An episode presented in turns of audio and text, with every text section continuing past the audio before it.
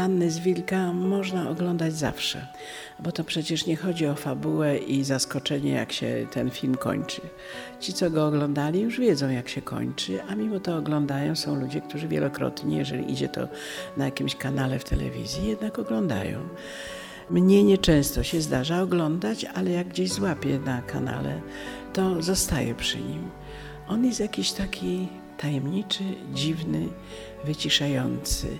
Myślę, że ten film lepiej ogląda się nie w domu, kiedy ktoś z domowników mówi, a może herbatę z cukrem czy bez i tak dalej. To trzeba się zanurzyć, powiedziałabym, w ten film.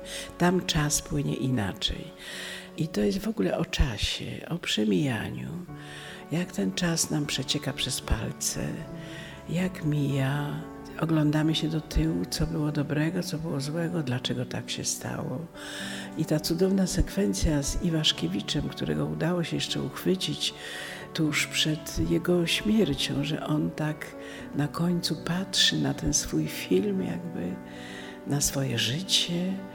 To nam bardzo jest taki dojmujący kadr że aż zaciskający w krtani. Także ten film, proszę Państwa, tego filmu nie można oglądać.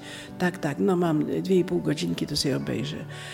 I trzeba mieć dużo czasu, wyłączyć się, nie spieszyć i zobaczycie Państwo, ile tam warstw jest. Udało się e, Wajdzie, no a przede wszystkim Iwaszkiewiczowi, który napisał takie głębokie opowiadanie, a Wajda pięknie to przełożył na film.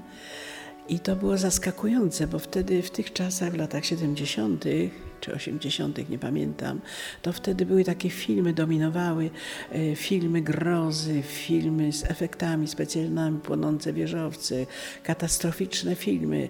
Prześcigały się jeden, y, chciałby być mocniejszy od drugiego i raptem Fajda zrobił coś zupełnie przeciwnego. Zrobił film, który płynie długo, niby nic się nie dzieje i się tak zanurzamy, zanurzamy jak w jakiejś takiej mistycznej kąpieli w tym filmie.